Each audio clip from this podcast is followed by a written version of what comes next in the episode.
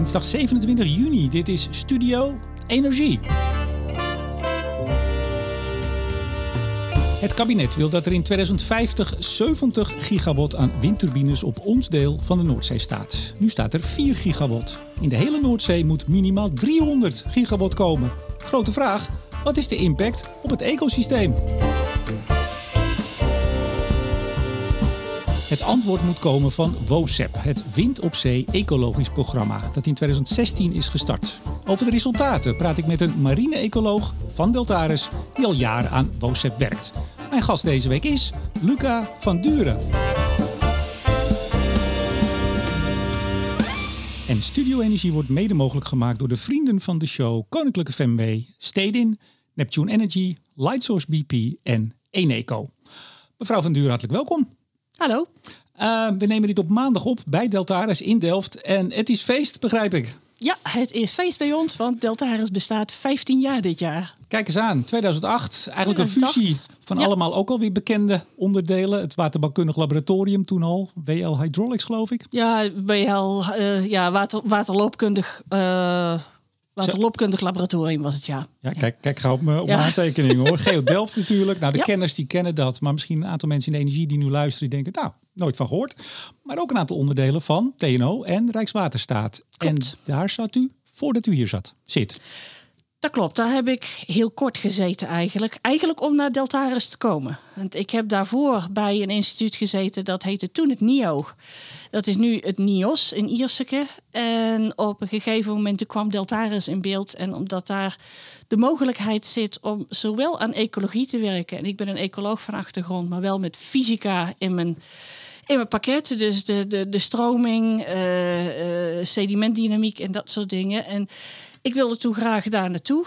En uh, ja, inderdaad, Rijkswaterstaat had toen een, een, vacature op mijn niveau. Dus ik ben via Rijkswaterstaat, dus het RIKZ, het Rijksinstituut voor Kust en Zee, ben ik naar ja. Deltaris gegaan. Ja, Groningen gestudeerd. In Groningen gestudeerd. Ook gepromoveerd. Ook gepromoveerd, yes. vind ik het altijd leuk. Wat was de titel van, uh, van de dissertatie? Uh, dat was. meestal, meestal heel lang en heel, heel ingewikkeld. Nee, die was, die was niet zo lang. Uh, uh, maar het, het, ik, zit even te denken. Wat Waar was ging het nou? over? Ah, die titel doet er niet toe. Waar die, ging het die, over? Dat was een redelijk esoterisch onderwerp. dat was um, het, het, het zwemmen en het fourageren van roeipootkreeftjes heten ze in het Nederlands. Koperpoden zijn dat. Ja. Dat zijn hele kleine planktonische kreeftachtige beestjes die in een heel grappig uh, fysisch regime opereren. In een regime waar wij onszelf heel moeilijk wat bij Ja. voor kunnen stellen. Esoterisch, dat heb ik onthouden. Ja, precies. Ja. U was zelf ook van duiken, hè? zag ik in de, LinkedIn staan. Dat heb ik in het verleden gedaan. Dat mag ik niet meer. Oh, nou, daar, daar gaan we het niet over Dat is, dat hebben. is een beetje jammer. Dat, Ja, ik zag u eh, op tv. Ja. Bij het NPO wetenschapsprogramma Focus. Dat was op 10 juni, dat is alweer eh, even geleden. Nou ja, deze maand. Over het effect van windparken op zee, op het zeeleven en de natuur. Maar een aantal onderzoekers. Ja. Allemaal WOSEP-onderzoekers. Volgens mij waren het allemaal mensen die eh, verschillende onderdelen van WOZEP inderdaad eh, meepakten. Ja. Nou, u was een paar minuten in beeld, zoals allemaal. Ja. Het is natuurlijk een kort programma. Toen dacht ik, nou, die mevrouw, die zou ik wel eens wat langer willen spreken. En daar zitten we. dat kan. Even, eh, we gaan natuurlijk uitgebreid over het programma hebben. Over wat weten we nou van die effecten, wat weten we niet. En eh, het is een beetje de known knowns en de known unknowns en de unknown unknowns. Dat klinkt naar George Bush Jr. Ja, nou, voor, vooral ze- minister Rumsfeld geloof ik. Oh, Maar, ja. maar inderdaad, in die hoek zat dat. Ehm, toch even, als je naar de WOSEP-website gaat, die is heel uitgebreid. Ja. Ik heb het hele weekend zitten lezen en ik heb het gevoel dat ik nog maar echt zo'n klein beetje heb gelezen van alles wat er de afgelopen jaar is gedaan. Ehm, als je op die website komt, dan staat de eerste zin bovenaan. Windenergie op zee draagt bij aan het realiseren van duurzame energie, maar dit mag geen grote ecologische effecten hebben. Dat klopt. Punt. Ja, Nou, u bent vanaf 2018 ongeveer hierbij betrokken. zoiets ja. Eh, er is heel veel onderzoek gedaan. Mijn eerste vraag, uiteraard, zijn er grote ecologische effecten? Ik vermoed dat er vrij grote ecologische effecten zullen gaan zijn. Ja. Nou, dan kunnen we wel stoppen, want dan moeten we dus stoppen met wind op zee. Ja, ik vermoed dat helemaal stoppen met wind op zee eh, misschien nog negatiever effecten gaat hebben dan, dan de effecten die we kunnen verwachten. Ik denk dat alles wat je grootschalig doet, en of dat nou grootschalig vissen is, of dat het grootschalig bouwen is, grootschalig, alles wat wij grootschalig doen, heeft effecten. En je zult inderdaad goed moeten nagaan wat wij met z'n allen acceptabel vinden. En dat is bij WOZEP voor wind op zee is dat nog steeds denk ik een zoektocht. Ja, hè? Ja. Want het is heel erg afhankelijk. Uh, nogmaals, als je veel van die rapporten leest.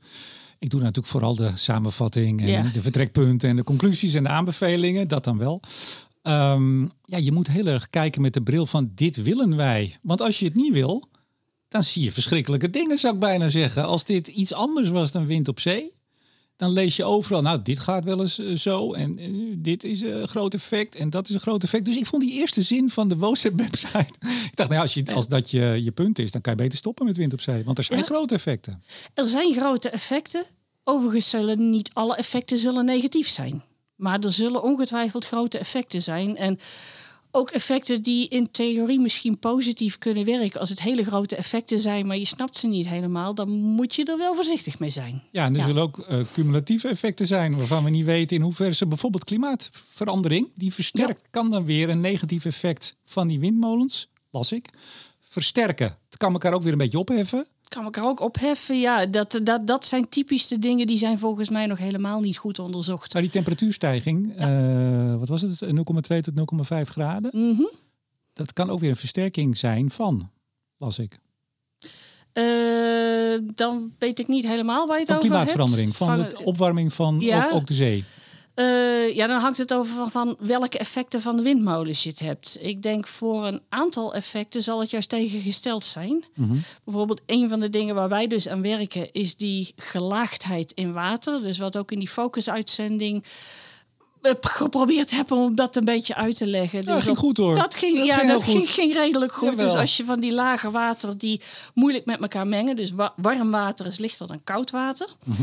Eh, en wat die windmolens doen, is die zorgen voor wat meer menging. En eh, daarmee dus, eh, dus iets minder van die gelaagdheid. Nou, temperatuur. Opwarming, dus de, de klimaatverandering die we verwachten, dus de verwarming, die zal die stratificatie, dus die gelaagdheid versterken. En ja, die windmolens die gaan dat een beetje tegen. Ja. Maar dan kijk je, als je dan weer naar andere effecten kijkt, bijvoorbeeld de, de temperatuur van water vlak bij de bodem, dus waar bijvoorbeeld een heleboel platvissen zitten.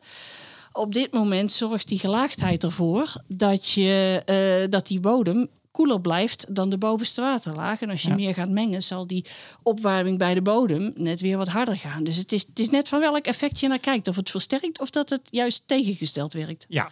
Ehm, en toen ik u benaderde, want dat vond ik wel het goede aan het Focus-programma, die hebben heel veel, eh, of een, een flink aantal eh, mensen voor de camera gehaald. Klopt. U bent van de ecologie. Ja. En Heel veel andere mensen waren ook van de ecologie hoor. Alleen Ja, ik ben nee. van een... Nee, maar ik zeg even tegen Ja. de luisteraars hierbij en ook tegen Ja. u, als, als ik u overvraag, als het buiten uw vakgebied gaat, zeg het dan gewoon. Ja hoor, dat Want ik, heb veel breder gelezen dan alleen uw vakgebied. Uiteraard. Want het gaat natuurlijk om alle effecten uiteindelijk van die 300 gigawatt die Europa eh, vorig jaar in Oostende heeft afgesproken minimaal Ja. neer te zetten. Tien keer zoveel als nu. We hebben nu 30 gigawatt, althans in heel Europa. Dus Ja. niet eens de Noordzee, daar staat nog iets minder. Maar het meeste staat wel in Meest, de de, Noordzee. de bulk staat in Bulk de staat er Noordzee. wel, maar tien keer zoveel. En Nederland gaat van 4 naar 70. Yep. Goed, eh, even dat, eh, dat WOSEP, Wind op Ja. Zee programma. Even de feitjes. Dan komen Ja. we straks wel helemaal in de, in de krochten van, Ja, van het onderzoek. Ehm 2016 begonnen. Eh, u bent 2018, of eigenlijk 2018 zijn de effecten waar u nou specialist in bent. Toen zijn die eigenlijk pas gedacht van, goh, die moeten we toch eigenlijk ook wel meepakken. Die waren even vergeten in 2016. Klopt dat? Eh, ja, even vergeten. Het is inderdaad pas, eh, pas recent dat we ons met z'n allen hebben gerealiseerd dat als je inderdaad heel veel van die windmolens in zee gaat zetten, dat je dan ook aan de, eigenlijk aan de fysica van de Noordzee begint te rommelen. En het is op zich niet zo heel raar dat mensen die eh, vooral met vogels en bijvoorbeeld met het geluid, want dat zijn hele opvallende effecten natuurlijk.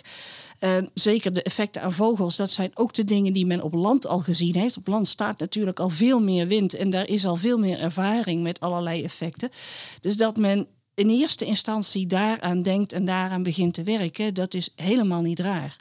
Maar het klopt inderdaad dat ehm, die effecten van, nou ja, het feit dat die palen daar staan en dat die in interactie gaan met de getijstroming en met de golven en met menging en dat soort dingen, dat staat waarschijnlijk ook gewoon wat verder van de meeste mensen af. Zelfs ecologen, marine-ecologen, niet allemaal zit dat helemaal uh, vooraan in de hersenen om daaraan te gaan werken. Ja, en ik las dit. Ik heb ook natuurlijk een beetje de, de aanloop van hoe dit onderzoek uh, tot stand is gekomen. Um, en ik was er natuurlijk, of ik zou zeggen, ik was erbij, dat is niet helemaal waar. Maar ik ken natuurlijk de aanloop van überhaupt mm -hmm. Wind op Zee. Eigenlijk al uh, kabinet Kok 1 en Kok 2 maakte het finaal eind jaren 90, begin ja. deze eeuw.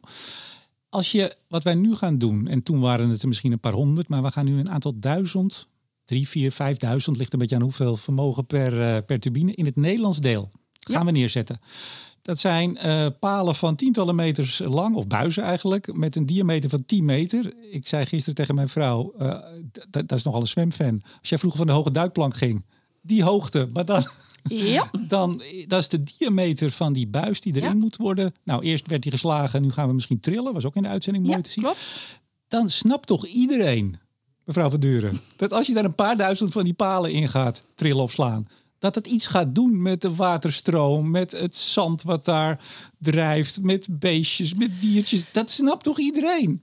Ik weet niet of iedereen meteen de gevolgen daarvan snapt. Kijk, dat dat lokaal wat doet, dat kan, dat kunnen waarschijnlijk iedereen wel bedenken. Maar dat, die, dat dat soort palen ook een invloed kan hebben op menging. En wat die menging doet met het ecosysteem, dat zijn geen dingen die iedereen zich onmiddellijk bedenkt. Nee, wat het doet niet. Daar Nee. is dat onderzoek voor. Maar ja, wel, ja. het- ik vind het zo gek dat het in 2016, dat er vooral ging, nou, de vogels. Zo, Ja. Vond ik ook wel bijzonder om te lezen dat die, die vogelonderzoeken, dat is dus niet uw terrein. Nee. Dat een van de dingen is dat het zo lastig is vast te stellen, omdat de slachtoffers, die vinden ze niet. Die Want op land niet. liggen Nee, ze dat en in het klopt. water zijn ze meteen weg. Nee, en het is ook heel lastig om dat met camera's goed vast te leggen. Ja. Er zijn nog maar op, op camerabeelden zijn nog maar een paar aanvaringen gefilmd. Dus hoe groot dat effect is, is ontzettend lastig in te schatten. Nou, daar komen we zo bij de, we later op. de, de, Oké. hetgeen we weten, wat we niet weten, Ja, et cetera. dat. Ehm, maar ik vond die, eh, want als je even beter eh, leest, nogmaals Mhm. die eerste zin op de website, eh, groot effect. Ik, ik zou dat even, mensen van de WOZEP, verander dat even. Dat is een heel raar zinnetje, want er staat ook niet eens negatief. Er staat gewoon grote effecten. Nou, die zijn er. Mhm. Dat, is, dat is zonneklaar. Maar als je goed leest van waar is dat WOZEP nou voor? Je leest beter naar de vertrekpunten. Mhm. Dat is niet zozeer de grote effecten. Het is kennis opdoen. Wat zijn de effecten dan?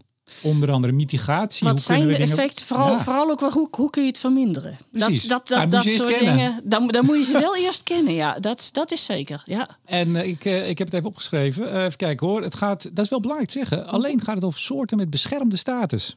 Dat, hele. WOZEP. Dat klopt. In theorie is dat, is dat het geval. En dat betekent dus dat die effecten van groei van algen, dus de, de primaire productie, de basis van het hele voedselweb en hoe dat doorwerkt naar die soorten waar dus allerlei mm, ja, instandhoudingsdoelstellingen voor zijn.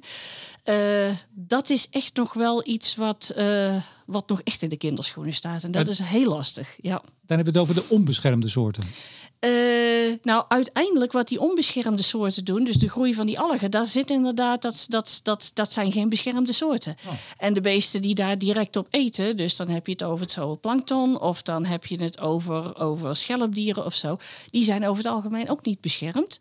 Het zijn pas wanneer je bij, bij de vogels en, en een paar haaiensoorten en, en zeker de zeezoogdieren komt, dat zijn degenen met de beschermde status. Maar uiteindelijk zijn die ook afhankelijk van wat er aan, aan de basis van het voedselweb, wat daar wordt geproduceerd. Dus als daarmee gerommeld wordt, kan dat uiteindelijk doorwerken op die andere soorten ook. Ja, en het inzicht dat dat dus heel belangrijk Ja. is. Het begin van die voedselketen. Ja. Dat kwam pas later. Dat, kwam is, pas- dat, dat, dat, dat, is- dat, kwam, dat kwam zeker pas later. Want dat hele programma is in, in eerste instantie dus gekeken vanuit die beschermde soorten. En dus dat je helemaal onderaan die voedselketen en eigenlijk met de fysica van het, van het systeem. Ik vind het niet zo raar dat mensen dat niet onmiddellijk hebben ingezien. In feite is het ook bij ons. Dat reken ik. Bedoel, ik ben dan een marine-ecoloog, dus ik zou dat allemaal moeten weten. Maar het is bij ons een van de ingenieurs geweest die naar ons is toegestapt van zijn er eigenlijk mensen die daar wat aan doen? En toen wij eens gingen nadenken van, nou, nee, eigenlijk niet. En op dat moment zijn wij dus met de WOZEP mensen gaan praten. Ik moet zeggen, dat, dat geef ik ze wel na. Ze, zei, ze hebben dat eigenlijk vrij snel opgepakt. Want het heeft vrij snel geresulteerd in een opdracht van... oké, ga dan maar eens eventjes op basis van literatuur... en wat er nu bekend is, gaan we eens op een rijtje zetten... wat er zou kunnen gebeuren en wat waarschijnlijk is. Ja, ik, ik moet zeggen, en ik, ik leg hem meteen maar op tafel. Ik wou het straks doen, maar ik doe het meteen maar. Ik, ik moest bij al dat lezen heel erg denken aan de gaswinning in Groningen in het begin. Waarbij ook uh, door uh, mensen die niet zo in het wereldje zaten, al werd gezegd: ja, maar hier gaan we enorme effecten van zien. Mm -hmm. Nou, die werden tot, op, tot in de jaren tachtig ongeveer voor gek verklaard. Ik zeg het wat oneerbiedig, ja. maar daar kwam het wel een beetje op neer. Uh, bodemdalingen is voor gewaarschuwd, trillingen, aardbevingen, et cetera. Ja. maar we wilden zo graag die gaswinning. Daar kwam het schip met gouden appelen binnen. Speelt dit, u bent nu een aantal jaar betrokken hierbij, speelt dit ook bij uh, dit fenomeen? We willen, zeg ik toch even, we over het algemeen, vissers mm -hmm. niet, maar uh, Dirk ja. Kraak was hier ook uh, in de podcast en, yep. en, die hebben een ander geluid en dat, dat is prima. Ja. Maar toch, de, de consensus is, wind op zee, dat is het. Mm -hmm. Speelt dat mee? Ik denk eigenlijk beperkt, want ik was er zelf dus inderdaad verbaasd over toen wij dit begonnen aan te kaarten. Dat hebben we eerst gewoon informeel. Je spreekt mensen van Rijkswaterstaat natuurlijk vrij regelmatig, bijvoorbeeld op, uh, op evenementen zoals de Noordzeedagen. Dat je informeel informeert van: hey, wordt hier eigenlijk aan gewerkt? Zijn dit dingen die bij jullie ook op de agenda staan? En in eerste instantie was het van: eh, nou, nee, eigenlijk niet. Maar vrij snel daarna zijn ze eigenlijk vanuit WOZEP naar ons toegekomen van... Uh, leg hier eens eventjes leg eens wat, wat uit. Hoe, hoe, hoe zou dat kunnen doorwerken? Waarom zou dat een probleem kunnen zijn? Vrij snel daarna zijn ze met een opdracht gekomen om uh, op basis van bekende, gewoon op basis van literatuur aan mm -hmm. te geven van, van ja, wat kan er gebeuren en hoe groot zou dat effect theoretisch kunnen zijn. Mm -hmm. En nadat die uh, literatuurstudie uitkwam en dat daaruit kwam dat er ook binnen een aantal Duitse parken ook al effecten aan destratificatie waren gemeten. Dat is dat mengen? Dat is dat mengen, ja. Stratificatie is de gelaagdheid, ja. destratificatie het, ja, het mengen, het opheffen ja. van die gelaagdheid. Uh, toen zijn ze eigenlijk heel snel met een opdracht gekomen om echt hier aan te gaan rekenen. En dat stond toen de mogelijkheid om daar überhaupt aan te rekenen en dat te gaan koppelen aan ecologie. Dat stond op dat moment toch nog wel behoorlijk in de kinderschoenen. Dus ja, ja ik denk nee, dat effect van het, het wegmoffelen of het ontkennen daarvan niet. Het is in eerste instantie niet herkend. Maar ik denk niet dat dat um, zeg maar gewoon het niet willen zien is, maar ja. meer gewoon ja, het andere vakgebied. Ja, want ik zou zeggen, wegmoffelen, dat was in ieder geval niet de intentie die in mijn tekst zat. Nee. Uh, maar, maar dat je als je iets, als je iets graag wil, Mm -hmm. dan kijk je over het algemeen anders als dat je iets helemaal niet wil. Ja, dat klopt. Dat klopt. En dan kan en je nog steeds, uh, ook als onderzoeker of als bestuurder, denken dat je alles goed overziet. Maar je hebt gewoon een andere bril op.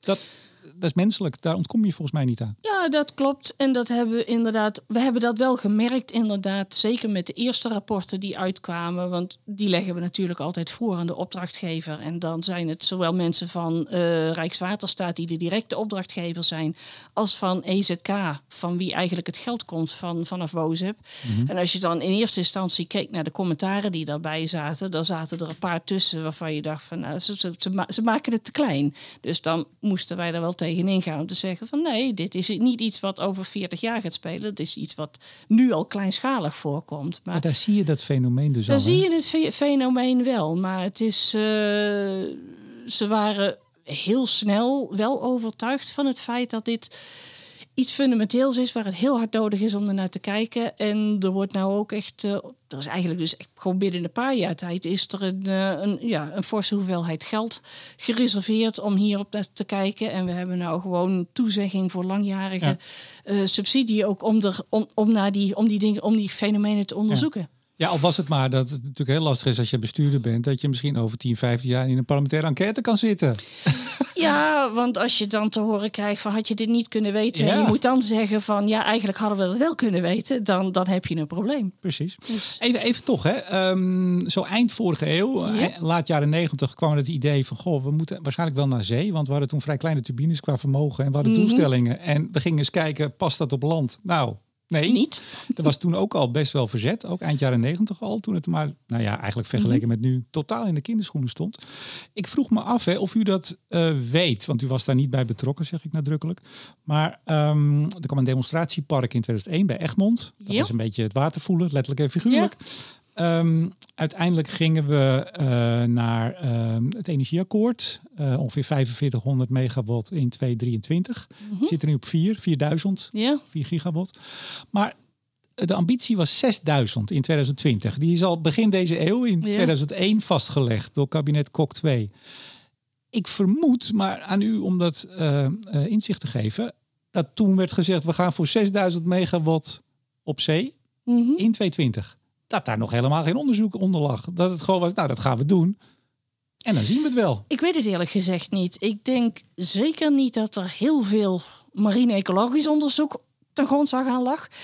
Hoeveel onderzoek er aan de, aan de technische kant en de technische haalbaarheid kant zat, dat weet ik eerlijk gezegd ook niet. Ik kan me nog wel herinneren dat eerste paar jaren bij Deltaris dat ik hier werkte. Ik werk hier vanaf begin eigenlijk, vanaf 2008 toen waren er nog vrij veel mensen die zeiden van ja, nee, dat, gaat dat gaat nooit op zo'n korte termijn haalbaar zijn. En ja, uiteindelijk heeft de werkelijkheid ons natuurlijk heel snel ingehaald. Nou, we komen straks wel bij een PBL-rapport uit 2018 nog. Dat is vrij Ja. recent. Die ook zeggen van nou, pff, eh, ik, ik vat er maar even met een geluidje samen.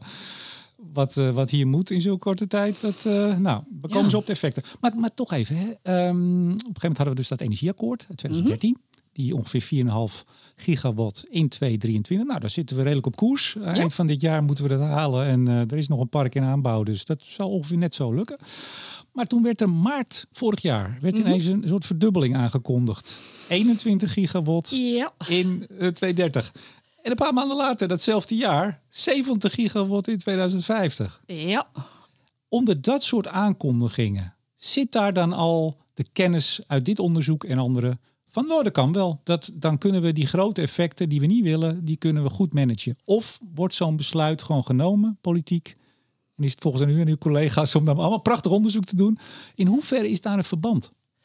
Dat durf ik eigenlijk niet te zeggen, want dat zijn typisch de kringen waar ik niet in, in rondloop. Ik zit niet rond die besluitvorming. Nee, maar u weet wel, als Ja. u dat hoort, Ja, dan denk ik wel van, oei, kan dat? Maar ja, dat weet u. Ja. Dus als u het niet weet, dan weet de politiek het dus ook niet. Nee, maar goed, die hebben misschien wel andere bronnen van informatie enzovoort. Dus ik, ik, durf, ik kan daar geen antwoord op Ja, geven. u beschermt ze keurig nu, maar dat, Ja, dat maar hebben ik- ze niet. Want dit is het nationale Ja. programma 2016, verlengd tot 2030. Hè? Het was eerst wat eerder. Ja, ja, ja, ja. dus, dus een zeer langjarig met miljoenen. Ik weet niet hoeveel mensen hier aan werken. Dit is het programma.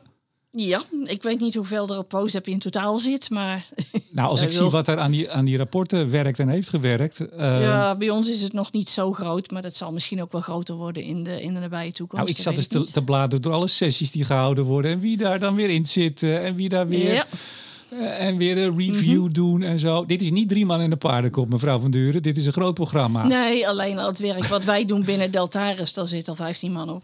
Dat bedoel ik. Niet, niet vol tijd hoor, maar en dit is maar één stukje wel- van het. Het is een klein stukje Nee, van het dit- geheel. U weet dat Ja. ook niet, dat weet ik Nee. wel. Maar denk eens met me mee, zou ik u willen Mhm. vragen. Op het moment dat dat soort aankondigingen worden gedaan en u weet, u denkt, oei, kan dat wel? Dan weet de minister, die weet dat niet. Dat is gewoon een politieke ambitie. Dat is een politieke ambitie, maar op zich is dat natuurlijk niet zo raar, zolang je maar uiteindelijk op een, een, een, een policy hebt die ehm, bij te stellen is op het moment dat blijkt door onderzoek dat er echt dingen gaan gebeuren die niet kunnen. Dus dat je een, eh, eh, ja, een, een- een, beleid hebt wat op een gegeven moment bij te stellen is als er nieuwe, ehm, nieuwe inzichten komen, waaruit blijkt dat bepaalde dingen echt heel schadelijk zijn.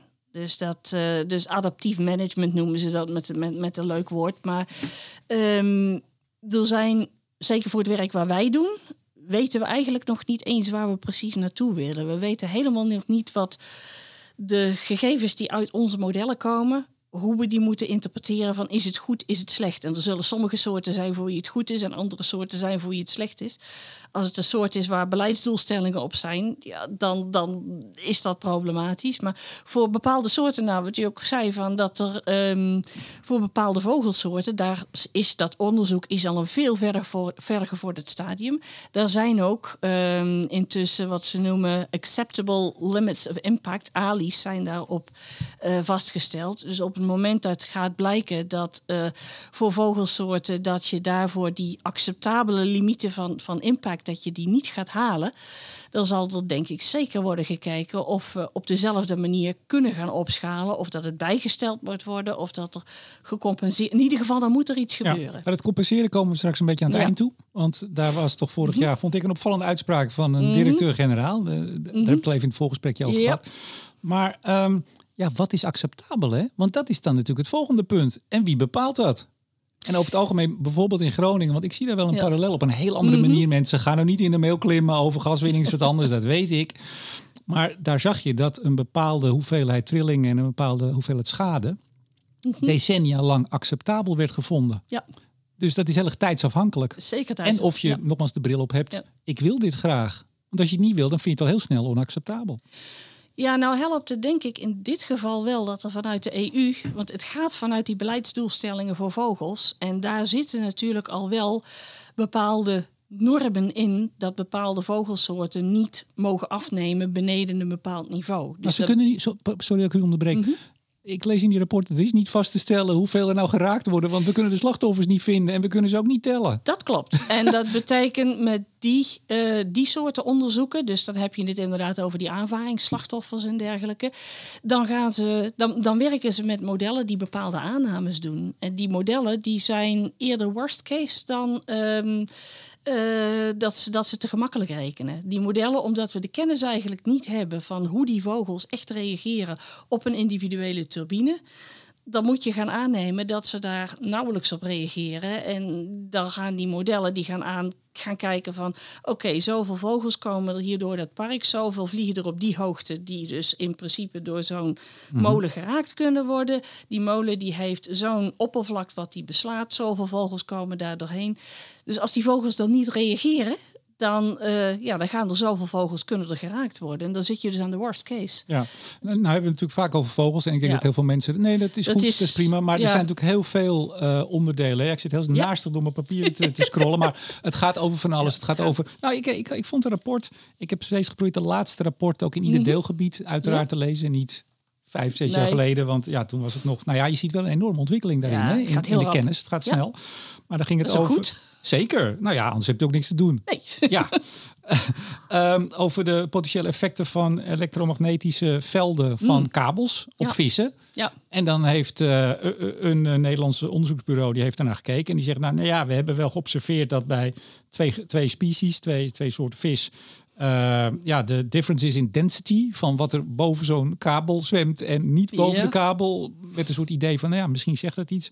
Maar dan zeggen ze ook meteen van ja, maar ja, het is maar één studie die we gedaan hebben. Er zijn er niet zoveel.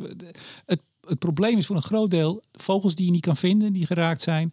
Uh, te weinig windparken nog. Maar je moet eigenlijk iets zeggen over als er over 70 gigawatt... Over een situatie die nog niet bestaat. En, en ik las over die modellen ook. Er is een modellentrein, dat vond ik een prachtige... Ja, ja mooi, mooie naam, ja.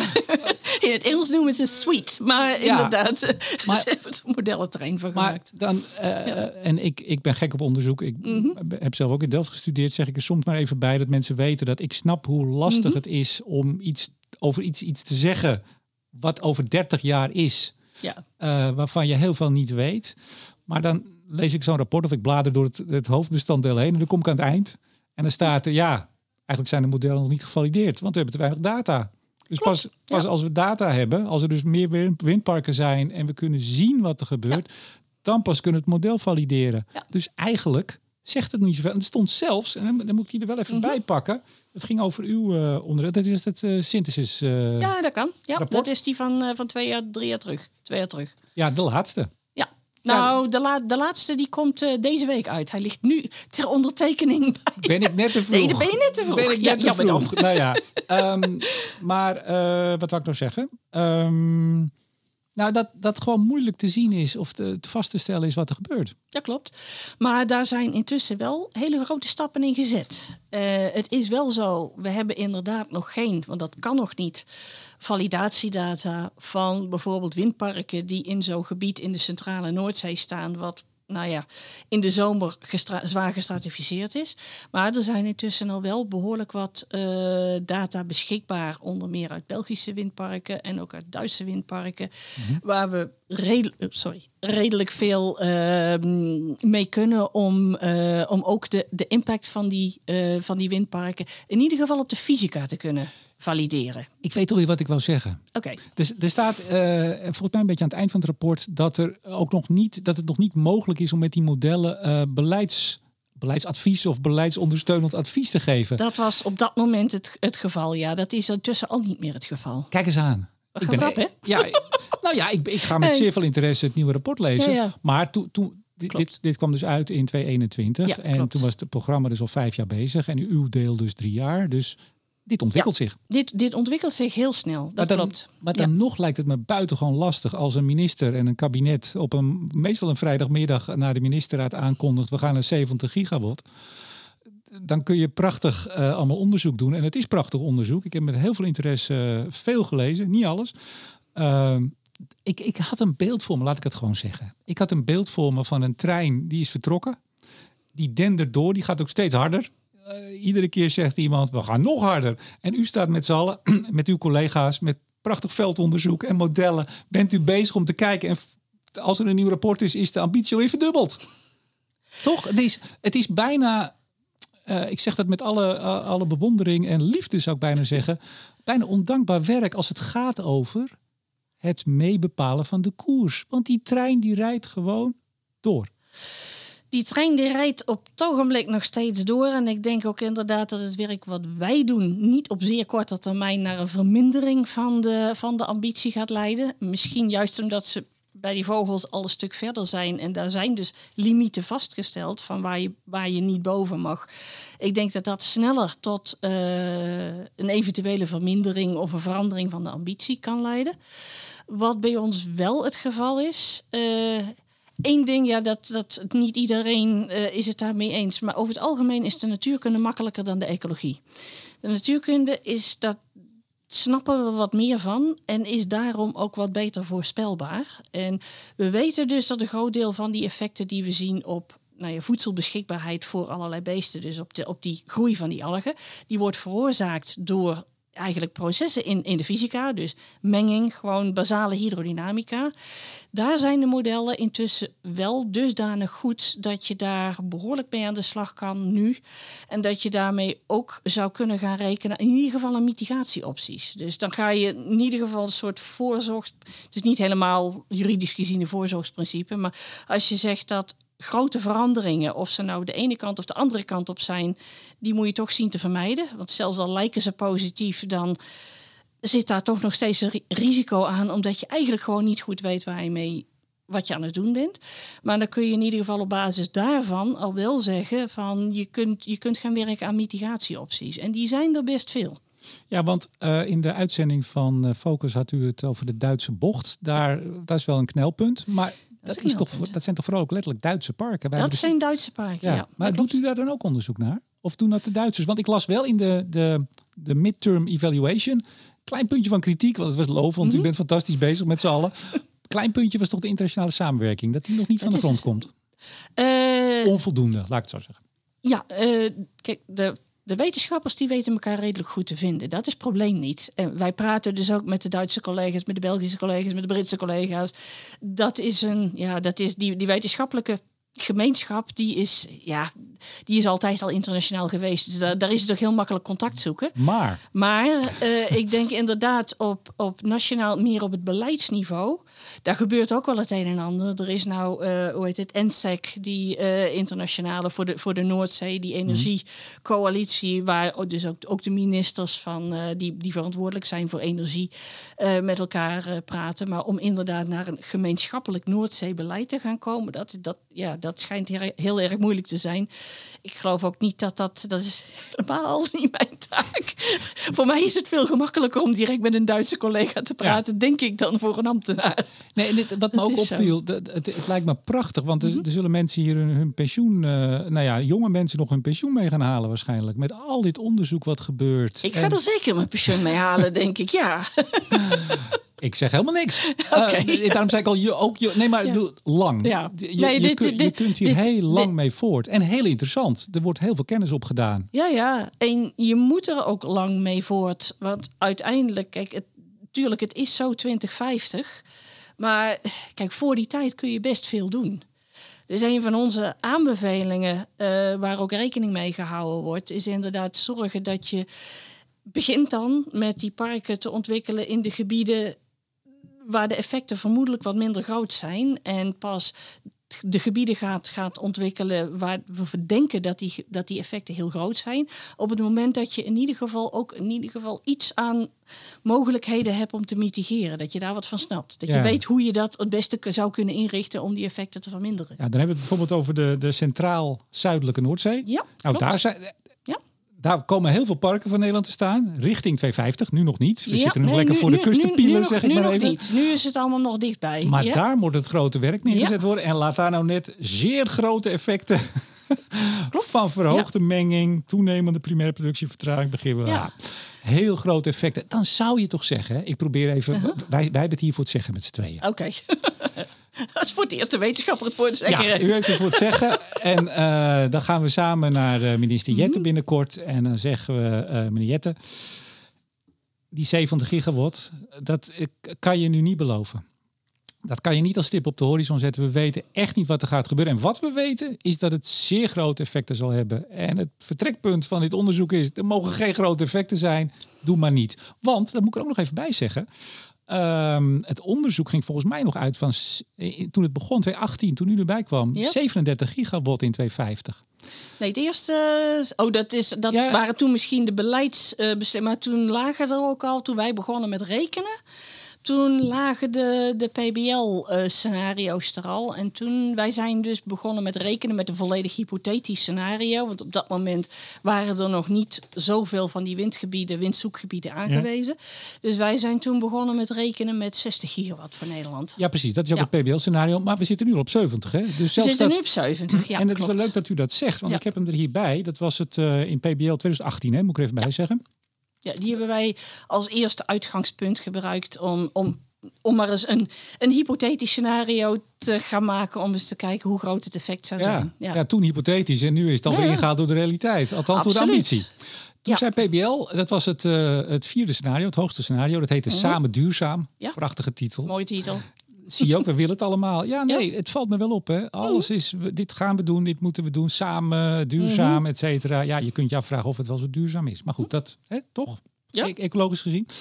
Er stond er nou in 2050 60 gigawatt. We zitten nu dus op 70 als het om de ambitie gaat. Mhm. Dat is 17 tot 26 procent, die 60, Ja. oppervlak van het Nederlands continentaal plat aan windparken. Mhm. Ja. Dat ging toen volgens mij ook nog de, de Telegraaf in met de schreeuwende kop. Of in ieder geval, er was nogal wat ophef over.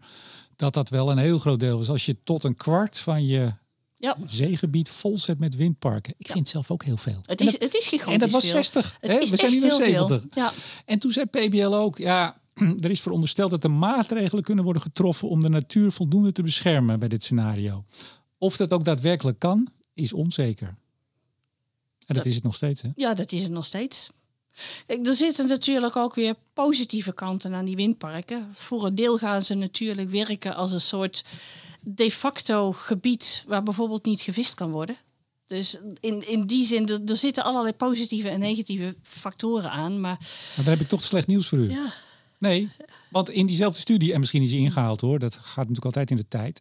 Daar zegt PBL ook van ja, ehm, je kunt die scheiding eigenlijk niet meer maken. Je zult ook moeten vissen en natuur moeten aanleggen, gecombineerd met wind. Of je moet accepteren dat er minder visgronden en minder natuur komt. Dat stond in diezelfde studie.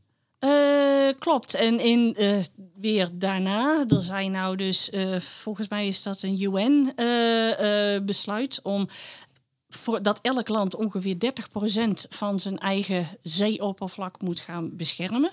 En daarvan moet ongeveer, ik geloof dat het 10% volledige bescherming is. Dus dat is 10% waar niet gevist mag worden en ook geen windparken gebouwd mogen worden, geen olie- en gasgebied. Ja, ik bedoel, ze staan er natuurlijk al. Dus, eh, ja, dus dat, eh, maar dat zijn ook nog dingen die daarnaast dus ook moeten gaan gebeuren. Dus Ik heb, hier, dat- ik heb hier de quote even. Ze zeggen dan, de ruimteclaim van dat scenario, Ja. nogmaals, we zitten nu op nog groter, is Ja. zo groot dat de huidige ruimtelijke scheiding tussen windparken en natuurgebied en visserij moeilijk is vol te houden, tenzij geaccepteerd wordt dat je die beschermde natuurgebieden kleiner laat worden. Maar eh, wat ik ook wel opvallend vond, is wat het eh, PVL zei over uw programma, althans WOSEP. Zei ze, nou, dat programma zal de komende jaren veel nieuwe kennis opleveren, maar er kan niet verwacht worden dat het antwoorden geeft op situaties die nog lang niet in beeld zijn. Ja, dat is precies de samenvatting Nou natuurlijk. ja, dat, dat- ja, dat heb je altijd met dit Ja, soort hele grootschalige dingen. Ik bedoel, wij kunnen op een gegeven moment dingen modelleren, maar er kunnen natuurlijk, zeker met natuur, er kunnen van allerlei dingen gebeuren die, eh, die daar allerlei modificaties op geven. En nou ja, je zit ook nog tegelijkertijd met veranderingen die te maken hebben met bijvoorbeeld binnen het Noordzeeakkoord. Daar is dus in feite afgesproken dat er minder gevist moet gaan worden. En, maar er is ook afgesproken dat er gekeken gaat worden naar bijvoorbeeld kweek op zee. Dus dat je, wat we 10.000 jaar geleden ongeveer gedaan hebben op land, die neolithische revolutie van omga, de, de overstap van jagen verzamelen naar, eh, naar boeren. Ja. Dat gaan we nou ook op zee zien. En dat, dat gaat ook gigantische eh, ja, impact hebben op de zee. En gaat ook interacteren met die veranderingen die, eh, die, die, die windparken. En misschien in de toekomst ook nog eh, zonne-energie en dergelijke op Ja. zee met zich mee gaan brengen. Maar ik las u net dat citaat voor Van PBL. En u beaamt eigenlijk dat, dat de natuur onvoldoende te beschermen zal zijn. Mogelijk. Mogelijk, ja. we- we- dat, ja. Ja, maar, maar als, als je dit over ieder andere activiteit dan wind op zee zou zeggen, dan zouden er morgen de Kamervragen liggen. Of misschien vanavond al. ja, aan de andere kant, Daar spreek ik u niet op aan. Nee, Even nee, voor de nee, goede nee, orde. nee. Eh, Maar goed, aan de andere kant, je moet ook kijken van we zitten met z'n allen met een enorme klimaatcrisis die op ons afkomt.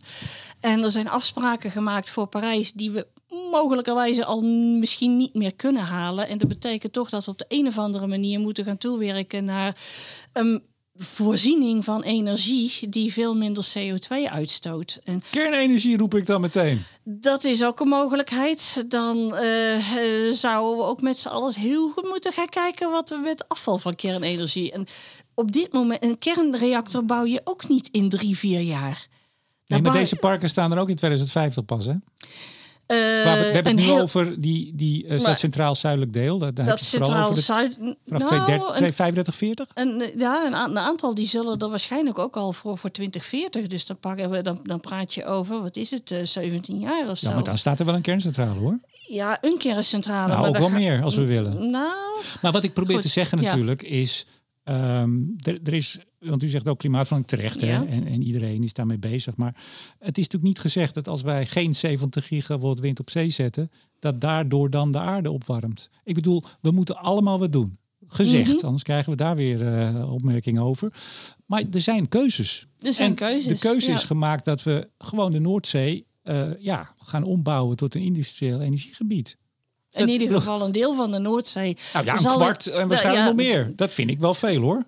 Veel meer kan waarschijnlijk niet eens. Nee, Als dus ma- we, gaan, nee, we proppen maar- een maximaal. Ja, we pro- ik probeer het even scherp te Nee, maken, mevrouw Van Duren. We, we, pro- we proppen het maximale in de Noordzee wat kan ten opzichte van andere gebruiken. En dan heb je dus inderdaad ook nog de, zeg maar, de, de grote scheepvaartroutes, de, de militaire oefengebieden, de, de, de gebieden die nog open blijven voor visserij, enzovoort. enzovoort. Dus uw adviezen van nou, doe ja. maar beter niet hier. Dat, dat kunt u straks wel doen. Maar er is, het is nu al barstensvol. Als je naar die kaarten kijkt, hoe vol het is, met name rond de Nederlandse kust. het is gigantisch vol, maar als je zegt van niet zozeer niet hier, maar nu even niet hier, totdat we in ieder geval de impact die er zal gaan zijn, zo ver mogelijk kunnen gaan verminderen.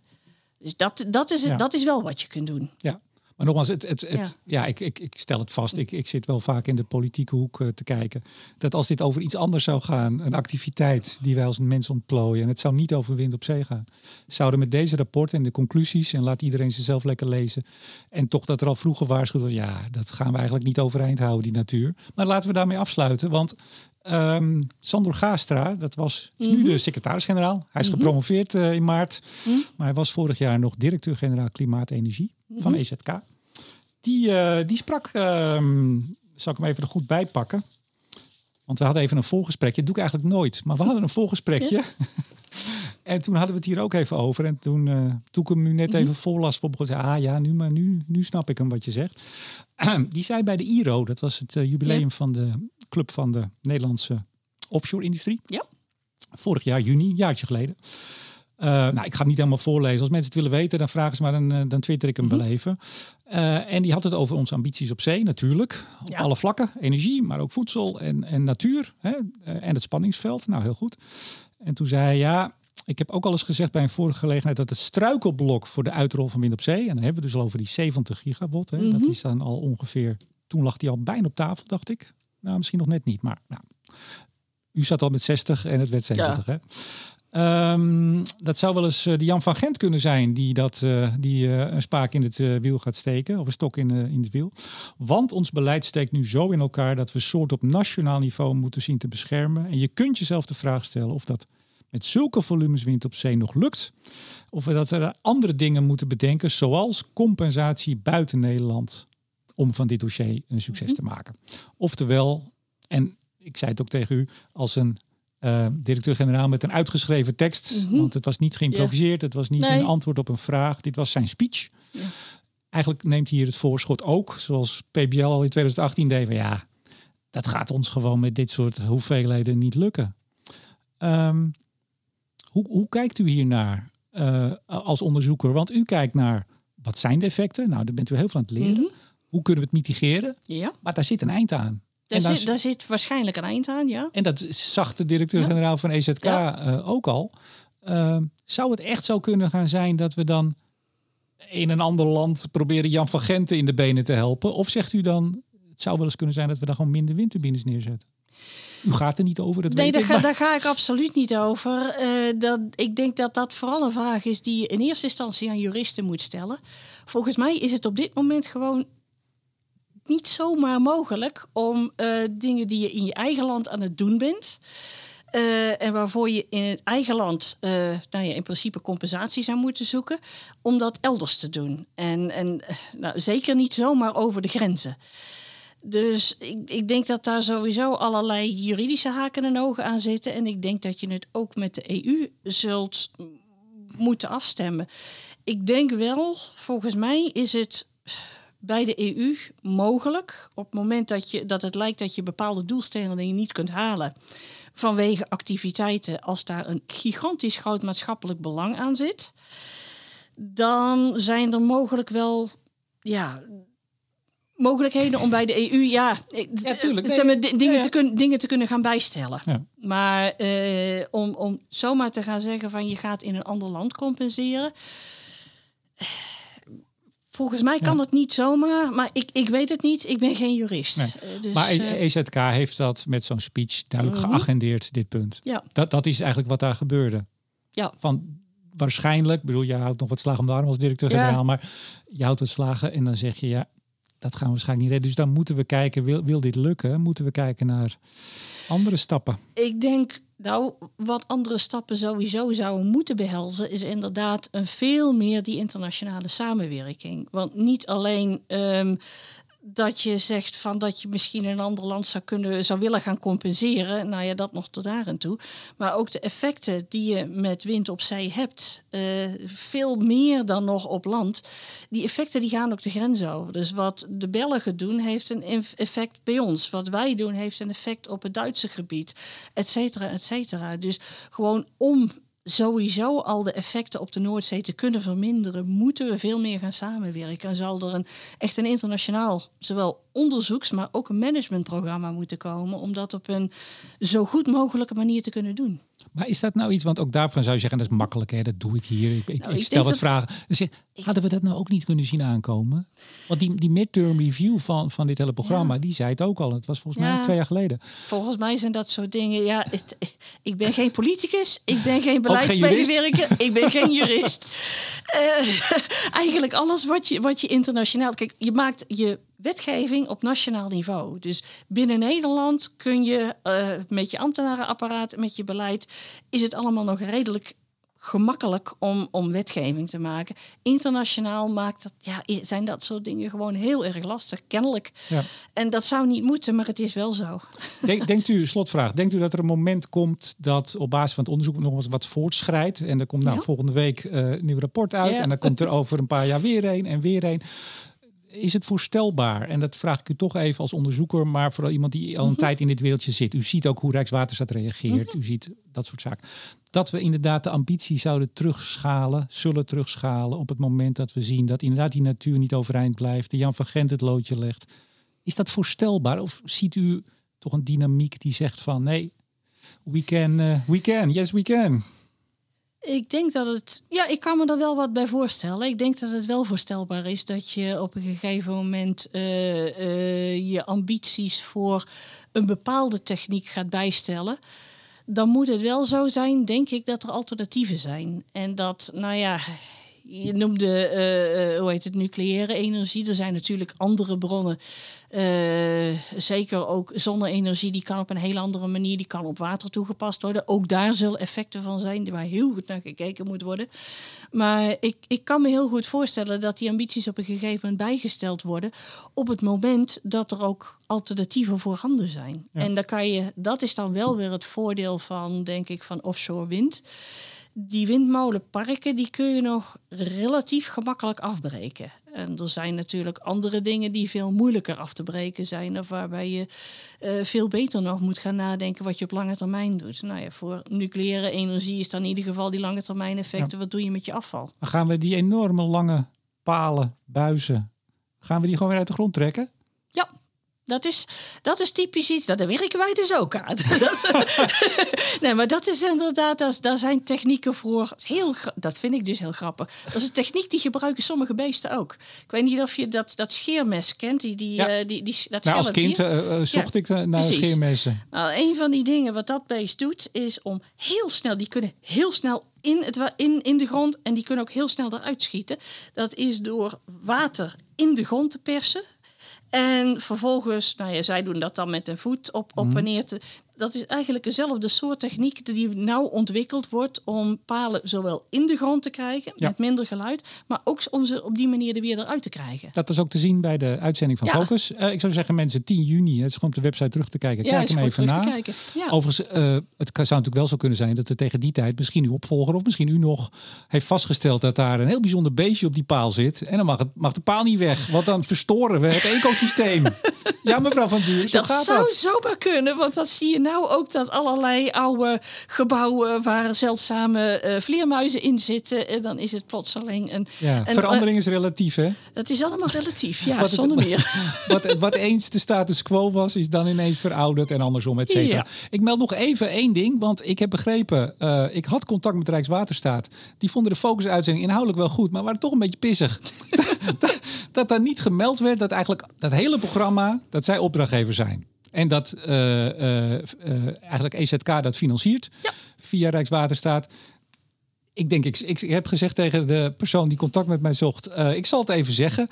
Ik zou het ook niet te hard van de daken schreeuwen. Want ik bedoel, je zegt eigenlijk ook degene die die 70 gigawatt wil.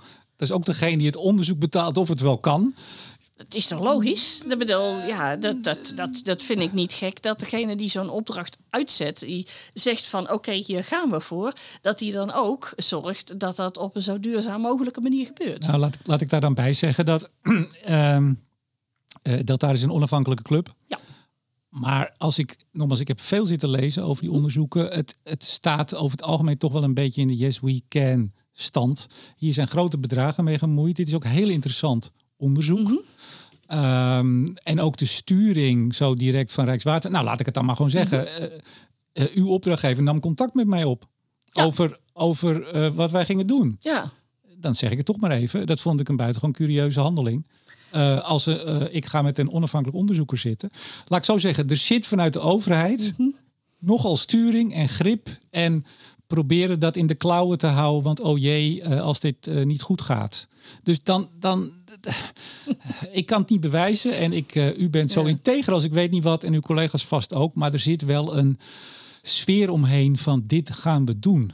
Uh, dat, ik heb dat niet eerder meegemaakt zo sterk. Ja, misschien met de gaswinning in de jaren 50, 60. Ja, dat was ook zo. Nou ja, ze proberen in ieder geval ervoor te zorgen dat de communicatie over alles wat uh, hierover gebeurt, dat dat zo netjes mogelijk ja, gebeurt. Ja, tuurlijk. Dat is gewoon zo. Zeg, wat ga je doen, jongen? Ja, de communicatie. Nou goed, nee, maar ik vond het prima. En uh, ik wens u veel succes bij het onderzoek. En oh, Rijkswaterstaat ook. Jullie zijn met heel veel bezig. We gaan het maar afwachten hè, wat het doet. We zullen het zien. En we kijken allemaal uit, ook alle luisteraars, naar uw uh, onderzoek uh, volgende week. Het uh, kwam, ja, ik weet niet hoe snel het op de nou website staat, mm. maar het, uh, het, het, het zit nu helemaal in de, in de afrondingsfase. De secretaressen zijn bezig om de, de laatste layout foutjes eruit te halen. Volgens mij het vorige uh, synthese-rapport, dat heeft een stempel april en dat kwam in oktober in de media toen, geloof ik, 2021. Dat kan. Daar kan- heeft, kan wel even tijd tussen ja, zitten. Daar, daar, daar heeft een tijdje tussen gezeten. Ja. Ja, ja nou, ik weet, dat, daar ga ik niet over.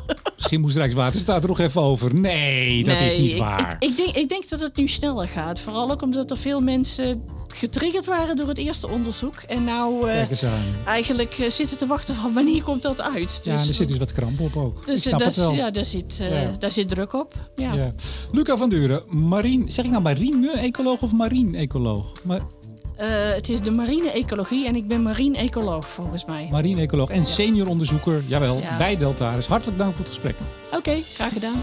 En uiteraard bedank ik ook jullie, beste luisteraars. En in het bijzonder alle vrienden van de show, waaronder Koninklijke FMB, Stedin, Neptune Energy, Lightsource BP en Eneco. Mijn naam is Remco de Boer. Graag tot volgende week.